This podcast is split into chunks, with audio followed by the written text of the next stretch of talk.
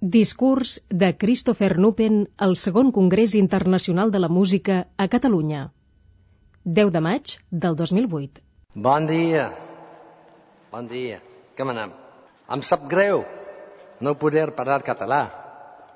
Això ens obliga a continuar en aquell dialecte de català. Com es diu? Com es diu? Castellà. Va bé? Molt bé. Som-hi. Agradezco la invitación de la Universidad y del Consejo de la Música Catalá y del señor Calmel. Y lamento muchísimo, profundamente, no haber estudiado nunca castellano tampoco. O sea que oirán algunos sonidos muy raros, muy extranjeros. Pero, por favor, no se rían. Piensen que es el intento de un pobre extranjero que por cortesía y respeto se dirija a su público en el idioma del país. Bien, en esta conferencia nos preguntamos si la programación musical de televisión puede realizarse de forma eficaz para satisfacer, en primer lugar, las altas exigencias del arte como tal, en segundo lugar, las altas exigencias de un público informado y crítico. Y en tercer lugar, los requisitos eh, de la televisión. Y además, se satisfacen los tres puntos a la vez. La respuesta es que sí, que puede realizarse de forma eficaz. Ha habido algunos éxitos destacados que han tenido un gran impacto en el mundo. Pero la mayoría de las veces, y verdaderamente quiero decir la mayoría de las veces, no se ha realizado de forma eficaz. Por esto es precisamente porque lo sé nos ha pedido que vengamos aquí y discutamos este tema. He dedicado toda mi vida profesional, así como gran parte de mi vida privada a la teledifusión pública y a defender la idea de que la programación musical de televisión, si realmente está bien hecha, puede ser de gran relevancia en nuestra sociedad. No obstante, lo primero que tengo que decir es que hacerlo a un nivel apropiado es sumamente difícil sumamente difícil. Y si quieren comprobar su dificultad, observen que se emite cada semana y podrán ver que pocos son los programas musicales que consiguen alcanzar cierto nivel, incluso de sus propias aspiraciones, sin mencionar un cierto nivel de la música, esta cosa maravillosa de la vida. Pero estas dificultades no son solo una parte del problema. El principal motivo, con excepción de arte de Gabriel, es dentro del ambiente adverso de hoy en día, es que la propia televisión se siente sitiada, nerviosa, amenazada, carente de convicción y carente de visión. La televisión nunca se ha sentido tan atemorizada ni tan herida como en la actualidad. Aunque la gente que está dentro rara vez, rara vez reconoce este hecho. Y desafortunadamente muchas de las heridas son autoinfligidas. Se trata de un círculo vicioso. Cuanto mayor miedo hay, existe menos pasión. Cuanto menos entusiasmo hay, existe menos convicción. Y esos son los ingredientes esenciales, realmente esenciales, para realizar un trabajo con éxito en este campo. Esas son las cualidades que hicieron que al principio la televisión fuese una fuerza tan increíble en nuestra sociedad. Hubo una época en que la televisión pública en Europa era joven y fuerte gozaba de visión y confiaba plenamente en que podía y debía hacer algo de auténtico valor para el arte en general y para la música en particular. Y salió bien. ¿Y por qué la música en particular? Hay muchas razones, empezando por el hecho de que la música es tanto del oído como visual. Y como resultado directo de ello, presenta unas oportunidades excepcionales. Cuando dichas oportunidades se aprovechan con entusiasmo y con dominio de esta habilidad, pueden aportar cosas que mejoran la vida, mejoran la vida de miles de personas. El escritor Hugo von Hofmannsthal dijo, la fuerza en el arte está con los que tienen la alegría. En efecto, en sus inicios la televisión pública era alegre, y atraía a más gente en torno a la música de lo que cualquier otro medio había logrado hacer antes, antes, antes, en cualquier época a lo largo de nuestra historia. Eran días emocionantes y creativos en los que un buen trabajo captaba la atención de la gente que no conocía nada, nada, nada, nada de la música.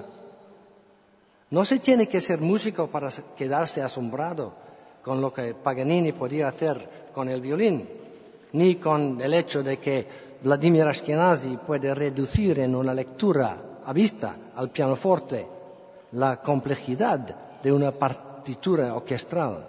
Esas cosas van más allá de la imaginación más descabellada de la mayoría de la gente, pero con toda seguridad mantienen el interés. Y sabedora de ello, la televisión pública en sus inicios emitía películas musicales a media tarde en sus primeras cadenas, a las siete, a las ocho, a las nueve, lo cual hacía que miles de personas se congregaran a torno a la música por primera vez de su vida. Eso hizo que la televisión se convirtiera en el principal medio que permitía a la gente dar un salto y pasar de la ignorancia al conocimiento enriquecía enormemente sus vidas. Era algo que merecía la pena hacer. Pero la televisión considera que hoy no puede proporcionar a la programación musical ese tipo de importancia. Me preguntó qué pasaría si lo intentase con un poco más de energía y un poco más de dinero, o mucho más de dinero.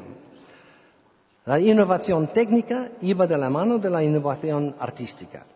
Y las primeras cámaras ligeras y silenciosas, es muy importante, no es las primeras cámaras de 16 milímetros, son las primeras cámaras silenciosas de 16 milímetros, se inventaron precisamente para servir a la televisión.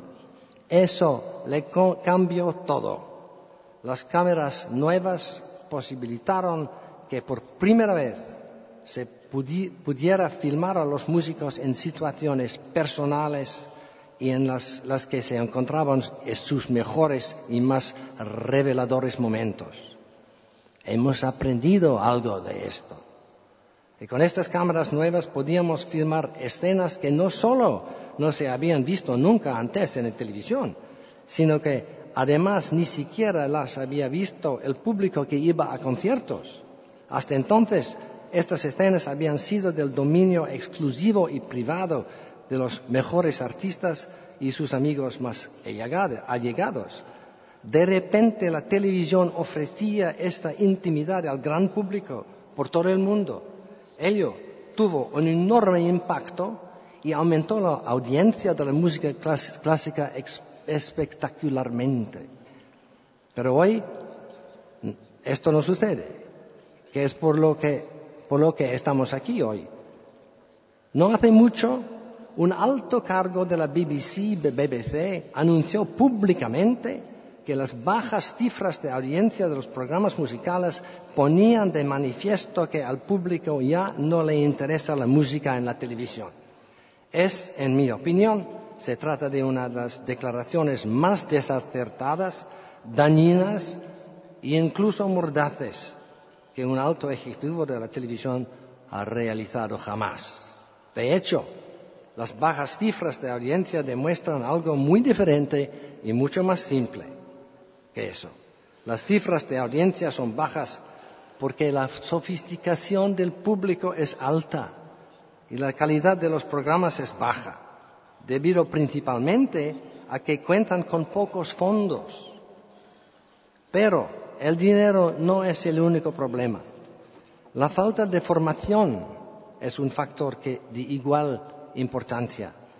Por tanto, el problema es mucho más achacable a las organizaciones de la televisión que a los realizadores, a los que no, no, se les da el tiempo, el dinero, el espacio ni la formación necesarios para desempeñar el trabajo. Factores estos que se las solían dar antes, cuando la televisión estaba más segura de lo que hacía. Cuando me incorporé en la BBC, me enviaron tres meses a un campo de formación e, y, y tan solo era técnico cuando empecé. Eso no ocurre hoy en día. A la gente que estudiaba la parte de ingeniería de la televisión se le enviaba seis meses ahí. Y cuando salía, conocían de verdad su trabajo. En la televisión de hoy hay demasiada gente que carece de una formación adecuada, a todos niveles. La gente no conoce la profesión desde abajo y este puede resultar muy peligroso cuando surgen complicaciones. Y las complicaciones surgen con bastante frecuencia en la televisión. En el mundo del cine británico tenemos un dicho que dice que si pagas cacahuetes, contratas monos. Es un hecho irrefutible que resulta que casi imposible producir programas musicales de gran calidad, que son especialmente caros por motivos técnicos muy, muy específicos, con bajos presupuestos y con personas que tengan una formación inadecuada. Si pagas cacahuetes, obtendrás mala calidad. Y la creencia actual de las emisoras de televisión de no se pueden permitirse poner el dinero suficiente para hacer programas de alta calidad es una profecía perniciosa que por su propia naturaleza contribuye a cumplirse. Ahí radica uno de los ejes neurálgicos de esta crisis. Lamentablemente, muy lamentablemente, Sería mejor hacer todavía menos programas musicales de los que se hacen y financiarlos debidamente antes de seguir por el mismo camino equivocado. Por tanto, está dañado la estima del público en estos momentos. Por desgracia, también existe una enorme trampa en lo que al aspecto del dinero se refiere. No hace mucho, el BBC gastó dos y medio millones de libras en un programa de muy dudosa calidad. Dos y medio millones en un solo programa, tal y como están las, las cosas hoy. ¿Se le pueden imaginar?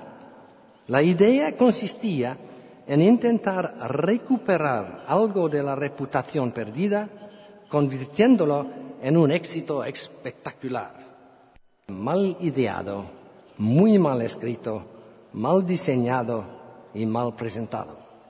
Y todo esto en una época en que la BBC decía a todos los productores independientes, así como a su propia plantilla, que no tenía dinero para programas musicales. Por Dios, ¿no les resulta chocante? Para mí es chocante. En cuanto al automovilismo, los premios no los reciben los que tiran la mayor parte del dinero, sino que se entregan a los más apasionados, a los, mejor preparados y a los que mejor comprenden su trabajo. Hay mucho que cambiar en los canales de televisión, con excepción de arte, eh, eh, si queremos librarnos de los problemas que nos ha hecho venir aquí hoy. Uno de los más importantes es que hoy la televisión está tan, convencida de su propia importancia que cree que no tiene que aprender nada más. Y esto se ve agravado por el hecho de que con el desarrollo de las nuevas tecnologías, todo el mundo piensa que todo es muy fácil. Las nuevas cámaras automáticas y la edición no lineal han contribuido a todo parezca ser tan fácil que la gente que realiza el trabajo sin la debida formación que el televisión antes consideraba esencial, simplemente no ha aprendido los pequeños matices del oficio, cuando precisamente son esos pequeños matices los que acarrean el auténtico éxito. Vayan y vean una película de, de Almodóvar para comprobar lo que la fuerza del dominio del oficio puede transmitir. Pero no es fácil, créanme, no es fácil. El público no es consciente de los detalles técnicos, pero sí que ve de forma instantánea la diferencia entre calidad y no calidad. La calidad en la programación de música es lo que mantiene el interés de millones de personas. La falta de calidad, que desgraciadamente es lo que se aprecia la mayoría de veces, no solo provoca el que una audiencia crítica acabe desconectándose de la televisión, sino que además genera un resentimiento y un respeto cada vez mejor por la propia televisión.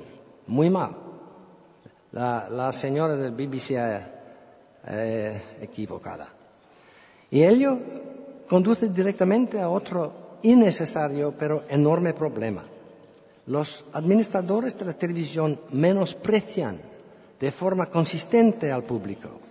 El público es mucho más sofisticado de lo que los jefes de la televisión piensen, y ello por una razón muy concreta. El público lleva más de 100 años viendo cine. Por tanto, sabe distinguir lo es bueno que lo es no, no es bueno. La gramática básica del cine, que tiene una lógica irrebetable, no ha cambiado en 100 años. Por supuesto que existe todo tipo de sofisticación moderno, pero lo básico, esencial de lo que Buster Keaton, Charlie Chaplin y los otros hicieron al principio, es exactamente lo que hace Clint Eastwood hoy. No hay nada de misterioso en ello. Es tremendamente obvio. Pero el hecho de que la televisión piense que esto no se puede pasar por alto, ahora es un grave error, y está causando un gran problema. Por supuesto que existen otras razones, a saber, la proliferación de canales. Pero eso es solo refuerza la importancia de centrarnos en lo que puede hacer y en ver que se puede aprender de lo que haya aconsejado tantos éxitos para la televisión antes. Nos estamos olvidando las lecciones de nuestros antepasados. Muy mal hecho. Es cierto que ahora hay demasiados canales y es un problema real y que el dinero no es suficiente. Esta es una queja justificada. Pero las razones son muy interesantes y plantean ciertas preguntas de peso. Para empezar, ¿quién creó esos canales? ¿Y por qué la televisión pública piensa que debería emitir arte en cadenas gueto? Otra vez, no es verdad con arte, pero es el solo. Eh, desde el principio era evidente que la televisión podía cubrir mejor sus aspiraciones educativas proporcionando una amplia gama de programación y permitiendo que la audiencia decidiera lo que quería ver, el que no quería ver. Este es uno de los mejores puntos fuertes de la televisión. Y este, este también hace arte. Eso es lo que llamo la atención de los no iniciados. Y si los programas de música tuvieron menos audiencia que el fútbol, ¿y qué? ¿Y qué? De todas formas, es imposible hacer un programa de televisión que guste a todos. Imposible. La situación actual es tremendamente lamentable, pero en mi opinión se tardarían unos cinco años en remediarla si la voluntad, la pasión y el dinero se encontraran y promovieran. Tal y como sucedía cuando la televisión era mucho más valorada por, el público de lo que es hoy en día. está mucho más segura de los que hacía.